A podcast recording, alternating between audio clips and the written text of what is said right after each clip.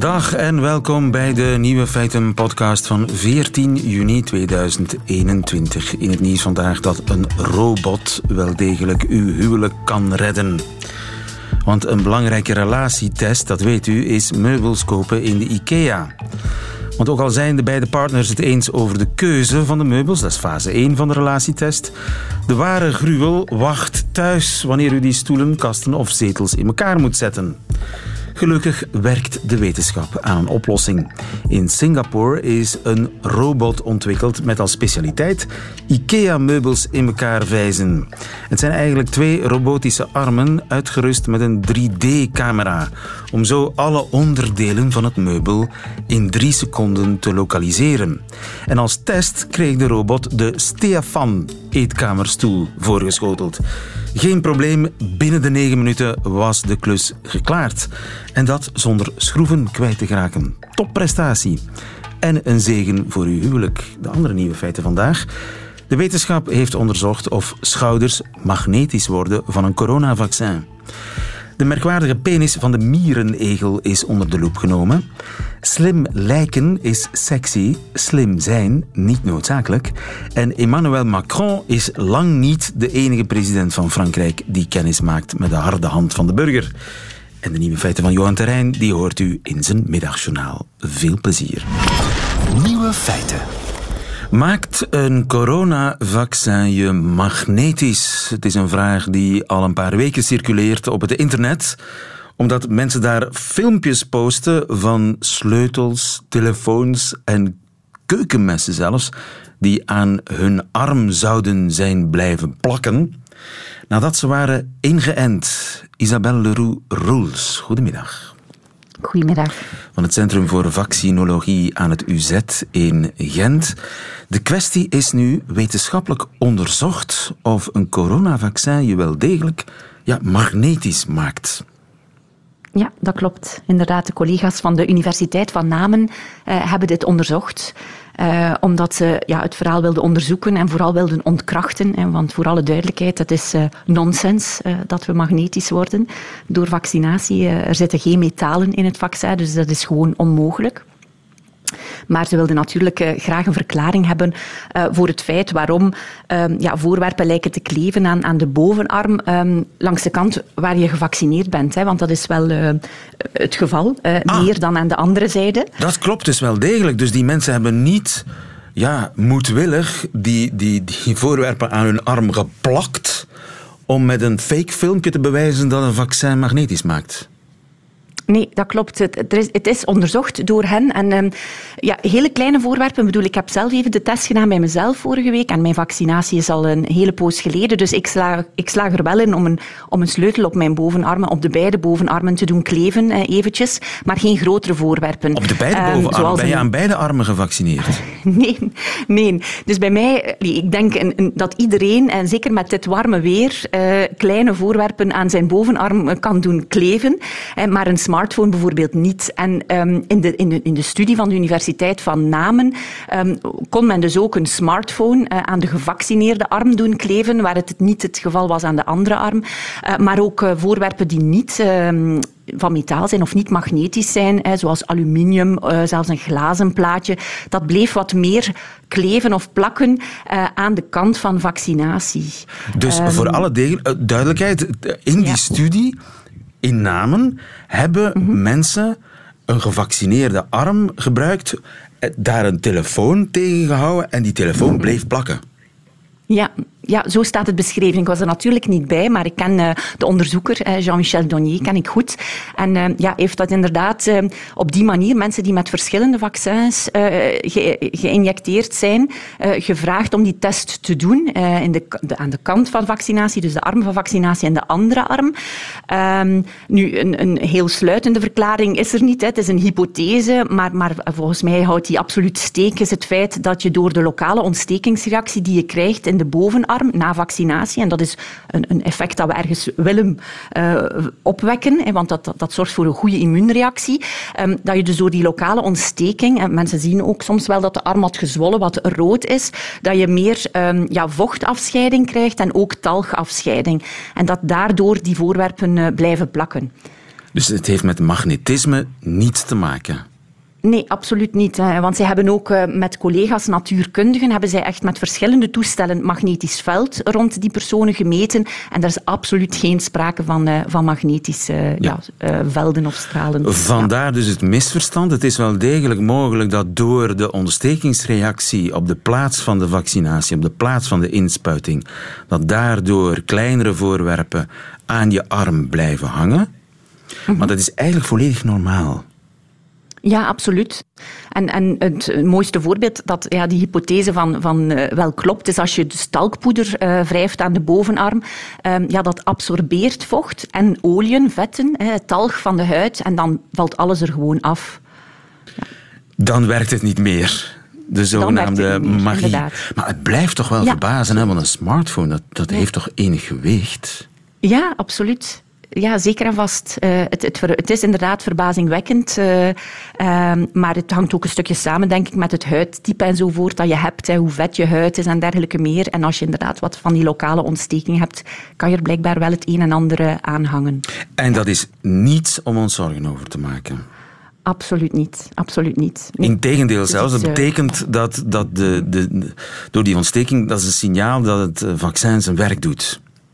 Ja, ja, inderdaad, al die bijwerkingen die we zien, hè, zowel in de arm die wat pijnlijk is als de grieperige klachten, is uiteraard vervelend, maar het geeft aan dat je immuunsysteem echt in, in actie is geschoten en dat is, is op zich goed. Ja. ja, ik heb na mijn eerste prik helemaal niets gevoeld. Is dat dan een slecht ja, teken? Dat, nee, dat, dat zeg ik ook altijd meteen aan mensen die zich daar zorgen om maken. Hè. Uh, het is niet, uh, het is, omgekeerd geldt het niet. Hè. Je, je kan een heel goede immuunreactie um, ontwikkelen zonder dat je veel klachten en bijwerkingen hebt. Uh, dus je bent bij de gelukkige, hebt niet het ongemak en vermoedelijk wel een, een goede immuunreactie. Ik hoop het. Dankjewel, Isabelle Leroux. Ja. Goedemiddag. Graag gedaan. Nieuwe feiten. Coucou de France met Alex Visorek. Vanuit een eh, zonovergoten Parijs houdt hij ons op de hoogte van eh, waar de Fransen mee bezig zijn. Onze landgenoot en mijn collega bij Radio France, Alex Visorek. Goedemiddag, Alex. Goedemiddag, lieven. Dus toen Emmanuel Macron zijn plan voor de versoepeling van de coronamaatregelen eind mei voorstelde, beloofde hij ook dit. Ce que je veux faire, là, dès le début du mois de juin, c'est reprendre mon bâton de pèlerin. Moi, je veux cet été pouvoir reprendre le pouls du pays, aller au contact. Allee, uh, Emmanuel, met zijn bâton de pèlerin, zijn pelgrimstaf, heel het land rondtrekken om polshoogte te nemen. Dat heeft de president dus beloofd eind mei. Ja, een initiatief waar hij ook belang in heeft, want op het einde van de maand zijn er in Frankrijk regionale verkiezingen, dus verkiezingen op het niveau van departementen en regio's. En iedereen kijkt ernaar uit of vreest die verkiezingen, want ze geven een voorsmaak van de presidentiële verkiezingen van volgend jaar. Emmanuel Macron is dus on tour in Frankrijk om contact met de Fransen te hebben. En een van zijn felste tegenstanders, de extreemlinkse Jean-Luc Mélenchon, vond dat zelfs een goed initiatief. C'est pas mal que le président aille voir dans le pays à quel point les gens peuvent pas le blairer, ça l'aide. Aha, dat zal hem helpen. om te ontdekken dat mensen hem niet kunnen uitstaan zegt Mélenchon. Ja, maar, ja, dat heeft hij gezegd. Maar dit cynisme werd vlug achterhaald door de realiteit. Il y a des images qui nous sont parvenues de Tain-l'Hermitage, où le président de la République était en déplacement, des images d'une séquence absolument ahurissante. Oui, et vous le voyez, il y a euh, cette tentative de gifle sur le président de la République. Une tentative de gifle? Iemand die probeerde een klap te geven aan de president van Frankrijk. Ja, en u heeft de beelden gezien. Uh, ja. Het is niet zo proberen. Uh, hij heeft hem geslaagd. Toen hij een paar handen kwam schudden, heeft een extreemrechtse militant zijn arm gepakt en heeft hem geslaan. Het zorgde voor veel verontwaardiging in de politieke wereld, te beginnen bij de premier Jean Castex. À travers le chef de l'État, c'est tout simplement la démocratie qui est visée. Ah voilà, het is de democratie die geviseerd wordt. Ja, en als de democratie geviseerd wordt, staan alle politici als één man achter de president, zelfs Jean-Luc Mélenchon. En als Mélenchon Macron steunt, is de situatie heel heel, heel ernstig. Want het is zeer zeldzaam in Frankrijk dat de integriteit van de president aangevallen werd. De twee andere voorbeelden in de geschiedenis eh, zijn nog erger. In 62 werd er op de auto van de generaal de Gaulle geschoten. en op 14 juli ja, 2002 defileerde Jacques Chirac op de Champs-Élysées. Hij hoorde gewoon een klein knalletje, maar het was eigenlijk een schot van een uh, 22 long rifle in de handen van een extreemrechtse militant. Chirac besefte het niet, maar zijn leven was juist gered door deze Fransman. J'ai entendu un claque, je me retourne. Enfin, je me retourne, je passe plus la tête en arrière, je vois le gars qui visait un visage déterminé à tirer, encore une fois. Et c'est à ce moment-là que j'ai pris le canon. Euh, et je l'ai basculé vers le ciel. Hein. Oh, wat een held. Hij was een van de toeschouwers die een knalletje hoorde en last minute het schot kon doen afwijken door het geweer van de schutter de hoogte in te gooien. Dat is het. En de zanger Arthur Ashe, een soort Gainsbourg van de jaren 2000, vond er inspiratie voor een liedje. Tomorrow I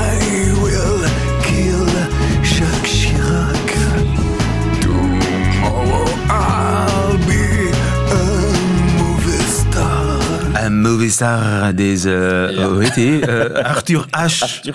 Intussen geheel ten onrechte vergeten Arthur Ashe. Ja, er zijn wel vaker kandidaten die de campagne uh, gewelddadige reactie ondervinden. De socialist Manuel Valls uh, kreeg ook eens een klap. En de kandidaat Emmanuel Macron kreeg ook eens tijdens een bezoek in het le salon de.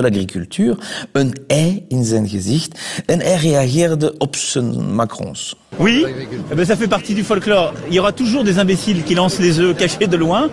Euh, ça fait partie aussi du traitement euh, pour améliorer le poil de la limousine. Donc euh, ça n'a pas amélioré l'état de mon costume, j'ai dû en changer. Ah, voilà, het hoort bij de folklore. Er zijn altijd uh, onnozelaars die eieren gooien. En dat, uh, dat hoort bij het, het, het, het, behandelen van de pels van uh, de limousinkoe. De koeien. Maar ja.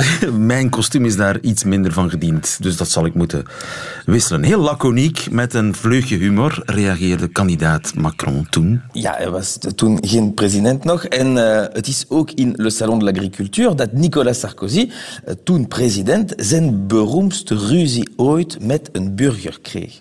Ah non, touche-moi pas. Ah non, casse-toi salis. Casse-toi alors, Casse-toi, pauvre con. Casse-toi, pauvre con. Heel beroemde zin in Frankrijk. Uh, en het was zeker ook de enige aanval op een president waarbij de reactie van de president meer veroordeeld werd dan de aanval zelf. Uh, hoe je reageert na een aanval is dus ook heel belangrijk. In het geval van Macron is hij bijvoorbeeld direct terug in de richting van zijn aanvaller gestapt en vroeg hij zijn veiligheidsdienst om hem uh, te laten doen. Hij toonde zich klaar om naar de woede van de aanvaller te luisteren. Je vais toujours au contact, apporter d'engueulade, zei hij. Ik ben klaar uh, om zijn geschreeuw te horen, maar geweld hoort er niet bij. La bêtise et la violence, non. Pas en démocratie. Et certains de vos Pas en prédécesseurs ne démocratie. pouvaient plus aller dans certains Mais oui, mais moi je continuerai d'aller partout. Parce que, mais bien sûr. Ja, la bêtise et la violence, de stommiteiten en het geweld, dat past niet in een democratie. Maar ik zal altijd overal blijven gaan en staan. Ja, ik zal niet stoppen, zegt hij. De bedoeling was om met een pelgrimstaf te gaan wandelen en nu wordt het als iemand je op de rechterwang slaat, keer je andere wang toe. Bijbelse Maar Macron. Als, ja, Bijbelse Macron. Als de regionale verkiezingen een generale repetitie zijn van de presidentiële van volgend jaar, doet het incident van vorige week ook vrezen dat de komende campagne ook heel gespannen zal zijn. Dat belooft inderdaad voor de campagne. Dankjewel, Alex Visorek vanuit Parijs en tot volgende week. Ja, zeker.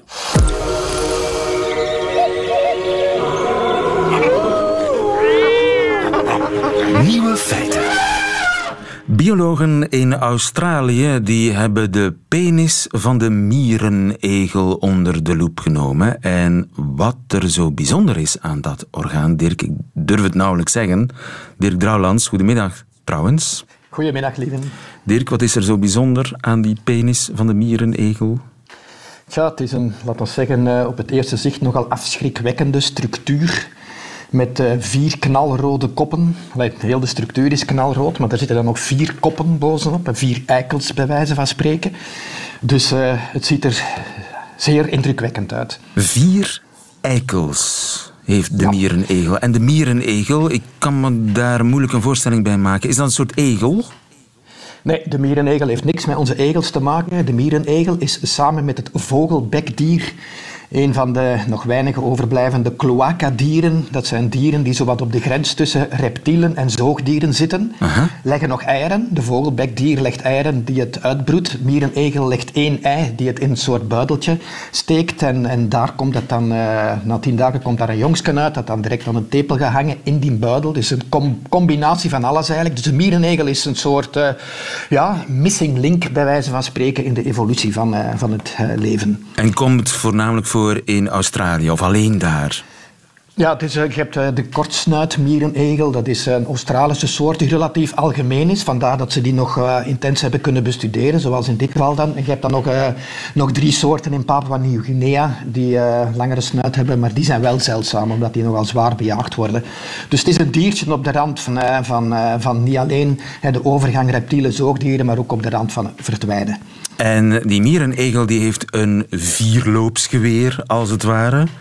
Dus hij heeft één ja, geweer eigenlijk... met, met, met vier schietgaten. Hij heeft geen vier geweren. Ja, het is eigenlijk een tweeloopsgeweer. Aha. Dus, uh, dus uh, de, zijn, er zit eigenlijk zo'n soort cleavage in zijn penis. Het is eigenlijk bijna twee aaneengeplakte penissen. En op elke penis zitten dan nog eens twee aparte eikels. Dus hij heeft dus uh, twee penissen en vier koppen, bij wijze van spreken.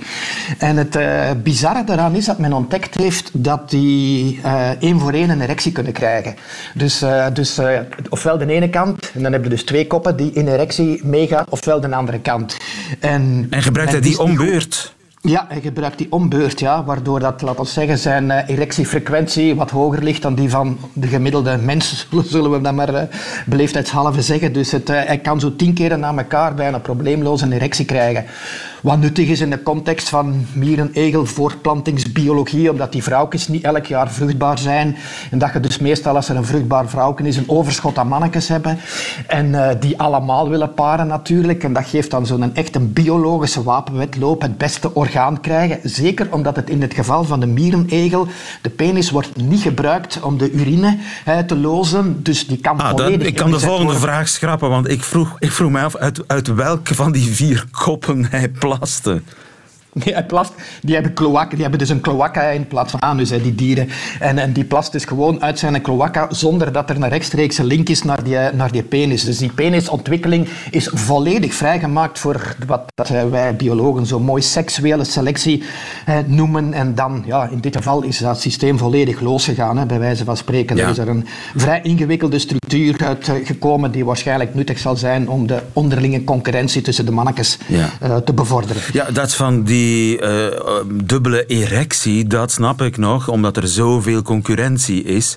Maar ja, dat is dan twee uh, die tweeloopsgeweer. Maar waarom heeft hij vier koppen nodig? Waarom moet, moet hij uit vier mondjes kunnen Ja, dat, is dan, dat weten ze nog niet. Het, uh, het is alles van de, de mierenegelpenis biologie is bekend geraakt. Maar ze hebben wel, want die, er, is dus een nieuwe studie uh, verschenen in het geweldige vakblad Sexual Development, uh, waarin dat allerhande rare um, voortplantingsmechanismen in de biologie worden beschreven. Tegenwoordig zit het heel sterk op sex reversal, dus geslachtsommekeer gefocust daarop. Iets dat ook leeft in onze maatschappij. Dat dat geen zwart-wit verhaal is, geslachtsbepaling, daar zit dat blad nu heel sterk op. Maar ook dit.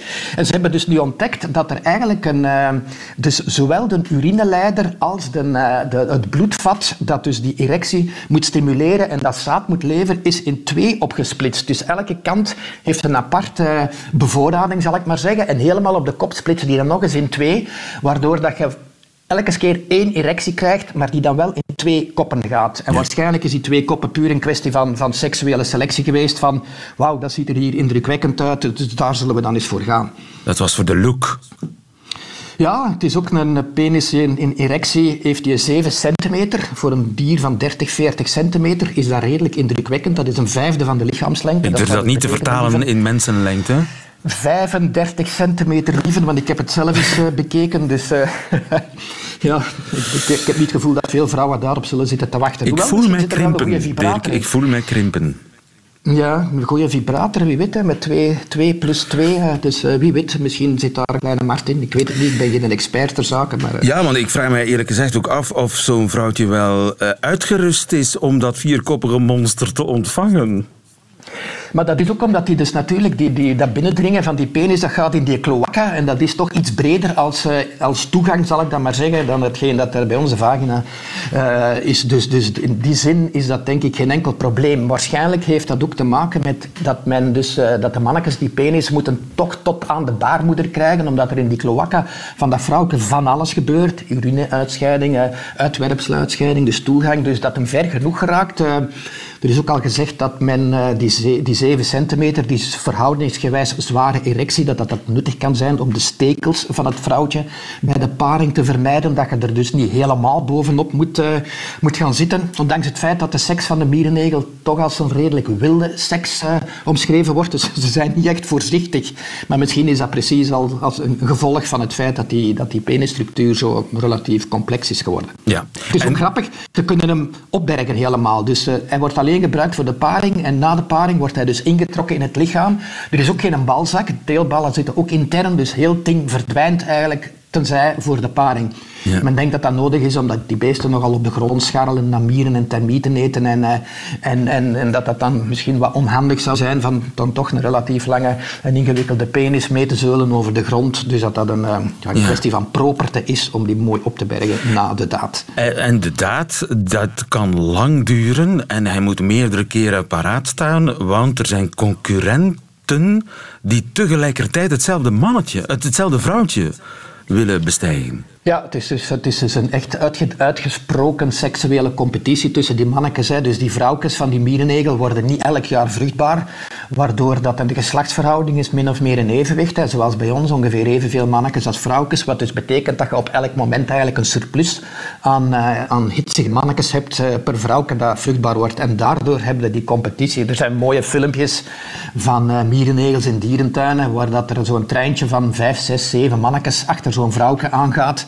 En hoe dat dan precies beslist wordt door wie dat ze zich laat dekken, dat is niet heel duidelijk. Maar het is wel duidelijk dat ze zich per keer dat ze vruchtbaar is door verschillende mannetjes kan laten bevruchten. En aangezien ze per keer meestal maar één eiken legt, is er ook ene hè, die effectief tot een bevruchting uh, uh, um, leidt. En het, het grappige is dat ook daar die mierennegelbiologie op aangepast is geraakt. Namelijk zaadcellen van de mierennegel, die hebben de neiging van, bij ons gaan die allemaal individueel de race aan naar het, naar het eitje, maar bij de mierennegel hangen die zich zo met een honderdtal aan elkaar, dat die zo bijna als een phalanx kunnen oproepen. Een leger, eitje, waar, echt leger. Ja, een legertje zaadcellen, waardoor dat ze misschien de concurrentie met de andere phalanxen beter aan gaan kunnen. Dus... Uh, Alleen laat dat zeggen dat de, de penisbiologie en de, en de voorplantingsbiologie van de mannelijke mierenegel toch wel echt meer nog dan bij ons toegespitst is op een extreme competitie tussen de venten. Ja, wij buigen deemoedig het hoofd voor de prestaties van de mannelijke mierenegel Dirk Drouwlands. Goedemiddag.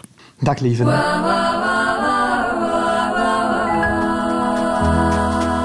Nieuwe feiten. Slim zijn is niet sexy, maar slim lijken wel, blijkt uit een nieuwe studie. Rika Ponet, goedemiddag. Goedemiddag. Je bent relatietherapeute. Ze hebben allerlei experimenten gedaan waarbij eerst de intelligentie van mannen werd gemeten, ja. waarna diezelfde mannen zich in een filmpje moesten voorstellen aan potentiële partners. Ja. En vervolgens werden die filmpjes door vrouwen beoordeeld. Enfin, de mannen in die filmpjes werden beoordeeld ja. met een verrassend resultaat, hè? Ja, eigenlijk wat heeft men vastgesteld? Dat wat we al heel lang denken, hè, dat vrouwen um, heel erg kijken naar intelligentie als ze een partner kiezen, um, dat dat toch een veel genuanceerder verhaal is. Um, het is effectief wel zo dat uh, intelligentie uiteraard een rol speelt in de keuze die we maken, maar ja, men heeft gemeten bij die mannen hoe intelligent die waren en wat bleek, uh, dat het vooral de indruk van intelligentie is die bepalend is bij een eerste contact en niet zozeer de werkelijke intelligentie van die persoon. Ja, want nu, objectief slimmere mannen die werden zelfs iets minder aantrekkelijk gevonden dan de minder intelligente mannen die toch slim speelden, bij wijze van spreken. Die het slim speelden, ja. En dan zie je dat ehm, ja, de, die eerste indruk die we dan van iemand hebben, hoe, hoe belangrijk dat is. Hè, dat is uh, wat, uh, wat hier dan naar voren gebracht werd. Maar ook, um, ja, als we het over intelligentie hebben, dat dat uh, een heel breed spectrum van bepaalde gedragingen is. En dat kwam ook heel duidelijk in deze studie naar voren. Wat bleek namelijk dat... Um, ja, bepaalde vormen van humor um, wel als heel aantrekkelijk werden bevonden. En uh, wat is ook zo'n hele oude gedachte? Ja, humor, uh, dat heeft eigenlijk niet zo evolutionair gezien veel belang in het voortbestaan van de soort, maar dat dat eigenlijk een uiting is van intelligentie. Wat bleek nu ook uit deze studie? Uh, dat niet de meest intelligente mannen als um, de meest grappige mannen werden gezien of ervaren. Um, en dat wie effectief grappig was in de context van een eerste contact, dat die eigenlijk als intelligenter en als aantrekkelijker werd bevonden. Aha, dus, en uh, het gaat dus over een soort van sociaal gedrag, een vorm van sociale intelligentie, wat ik toch ook al heel lang zelf in de praktijk vaststel. Um, het is niet altijd de klassieke gemeten intelligentie die heel bepalend is in de aantrekkelijkheid van iemand, maar wel de mate waarin dat iemand in staat is om zich in een sociale context, wat een datingcontact toch altijd is, hoe iemand zich daar gedraagt en opstelt. En dan gaat het over vormen van oogcontact, afstemming op de andere, um, interpersoonlijke humor um, en niet zozeer uh, ja, de typische productie van humor, als ik het zo mag uitdrukken. Um, dus uh, hoe je afgestemd op de andere reageert, wat de grapjes zijn die op dat moment uh, aan bod komen, um, hoe veilig mensen zich bij elkaar voelen en daarin dan ook zichzelf zijn. dat bleken allemaal aspecten te zijn die ook als intelligent werden ervaren. werden ervaren en ook echt intelligent zijn, hè? want intelligentie is breder dan alleen maar goed kunnen rekenen en een kei zijn in Ja. wiskunde. Absoluut. Dus dat, uh, dat bewijst dat in, uh, in deze studie ook. Nu, wat ik daar vooral heel interessant aan vind, is um, dat we durven nadenken over een aantal van die premisses die al heel lang meegaan. En uh, de laatste tijd gebeurt dat al maar vaker en ik vind dat toch heel boeiend. Hè. Er zijn, als het gaat over evolutie, voortplanting, uh, toch zo'n aantal heel vast omlijnde ideeën die we daar allemaal over hebben. Zoals bijvoorbeeld, hè, het is voor een um, vrouw heel belangrijk dat een man intelligent is en voor mannen zou dat dan minder ertoe doen. Um, veel studies van de laatste jaren tonen eigenlijk aan dat dat ja, vaak heel 19e-eeuwse concepten zijn van uh, wat er speelt in relaties. En als maatschappijen evolueren en veranderen, we ook zien dat, um, ja, dat er toch ook wel andere keuzes worden gemaakt. Of dat we daarin toch ook um, vaak op een andere manier um, of andere resultaten uh, te zien krijgen. Uh, Ja, gewoon want- door uw onderzoeksvraag eens anders te stellen, want daar gaat het eigenlijk over. Want er is ook ja. een tweede experiment gebeurd waarbij eh, aan speeddating werd, geke- na- werd gedaan en waarbij ook eh, gekeken werd omgekeerd of eh, mannen vrouwen die intelligent leken of die intelligent overkwamen ook aantrekkelijker vonden. En dat bleek ook zo te zijn. Ja, absoluut. En dat is iets wat we uh, nu toch ook al een hele tijd vaststellen in de top drie. Uh, ook zelfs van opgegeven aantrekkelijkheid. En dan heb ik het over ja, wat zeggen mensen zelf over wat ze aantrekkelijk vinden bij iemand. Um, blijkt ook hoe langer hoe vaker, of hoe langer hoe meer, uh, dat dat ook voor mannen een hele belangrijke rol speelt. Uh, iets wat voorheen niet gedacht werd. Hè. Men dacht altijd, oké, de fysieke aantrekkelijkheid van een vrouw, dat is eigenlijk het meest bepalende in, um, in de keuze die mannen maken voor een vrouw.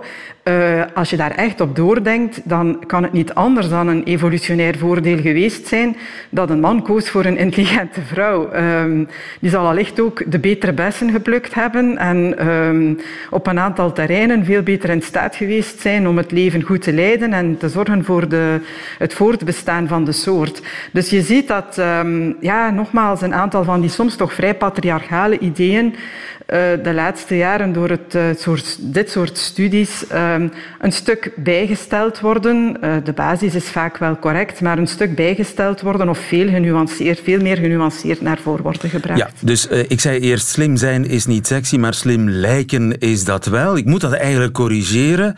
Slim zijn is wel degelijk sexy, al is slim zijn niet noodzakelijk goed zijn in theoretische wiskunde. Zoiets. En ik denk, uh, en uh, grappig zijn blijft ook een erg belangrijke. Maar nogmaals, niet uh, de productie van humor op zich, hè, maar um, sociale hoe grappig intelligentie. je bent in het, ja, sociaal grappig zijn, hoe grappig je bent in het hier en nu, in het contact met iemand. En dat is misschien nog wel de meest, of de moeilijkste humor van al. Hè. Dat is um, het gevoel iemand aan het lachen kunnen brengen. Daar gaat dat eigenlijk over. Hè. Als je met iemand afspreekt, je gaat op date de anderen aan het lachen kunnen brengen. Dat is, dat weet ik al sinds jaar en dag, uh, dat is opening als uh, iemand met jouw grapjes lacht. Absoluut. Rika Ponet, dankjewel. Heel verhelderend. Tot de volgende. Tot de volgende. Dag. Radio 1. Nieuwe feiten. Dat waren ze, de nieuwe feiten van 14 juni 2021. Alleen nog die van Johan Terrein hebt u te goed in zijn middagjournaal. Nieuwe feiten. Middagjournaal. Beste luisteraar. Onlangs viel mij de eer te beurt betiteld te worden als een domme soepkip. Een eerste keer is altijd een bijzonder moment. Ik had namelijk een tweet gepleegd om mijn dankbaarheid te uiten over de inzet van al die vrijwilligers in het vaccinatiedorp. De reactie kwam van een illustre Nederlandse antivaxer, die me dus met niet al te intelligent gevogelte vergeleek. Ik liet me namelijk inspuiten met experimenteel gif, omdat de mensen nu eenmaal zo vriendelijk zijn. In eerste instantie kon ik een lach niet bedwingen. We weten allemaal dat wanneer mensen beginnen schelden om hun gelijk te halen, ze eigenlijk onbewust al weten dat ze op een dwaalspoor zijn beland. Dat ze met een stukje drijfhout ronddobberen op de oceaan, niet wetend waarheen, en dat hun gelijk loslaten gelijk zou staan aan het loslaten van dat drijfhout. In tweede instantie kreeg ik een beetje medelijden, want zoiets is nu eenmaal een weinig comfortabele positie. En nu ben ik vooral bezorgd en vraag ik me af hoe gaan we zo'n scheldende drijfhoutjes weer aan boord helpen van de samenleving. Want dat was het wat mij die dag van mijn eerste prik zo getroffen had. Na die vreselijk lange isolatie maakte ik een wandeling door een gigantisch grote tent en om de vijf meter werd ik door een vriendelijke vrijwilliger de weg gewezen. Het was alsof ik opnieuw in de samenleving werd ontvangen. En dat was na die ellendige opsluiting een ontroerend gevoel dat je nooit of te nimmer met je nijdige gelijk achter je klavier kan ervaren. Na al dat gekritikaster en gezeur was dit een opvallend, efficiënt georganiseerd en vriendelijk event, drijvend op de kracht van de onvergoede inzet. Het was niet louter het vaccin, maar ook een portie hoop, opluchting en geloof dat het nog al niet naar de wuppen is dat ik kreeg ingespoten. Los van het vaccin is dit eigenlijk de injectie die vele van die mensen die zich van de samenleving afkeren nodig hebben. Misschien moeten we het mogelijk maken dat mensen die het vaccin weigeren toch ook door het vaccinatiedorp mogen lopen, even vriendelijk ontvangen worden, van de verpleegster een schouderklopje krijgen in plaats van een spuitje en zich net zo welkom terug mogen voelen in de samenleving. Laat mij als domme soepkip nog dit zeggen.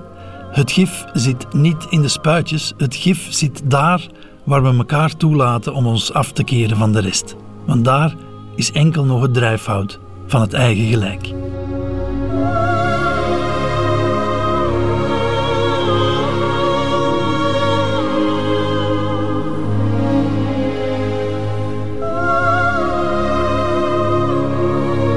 Het middagjournaal met Johan Terrein. En deze filosofische bespiegeling beëindigt deze podcast van Nieuwe Feiten.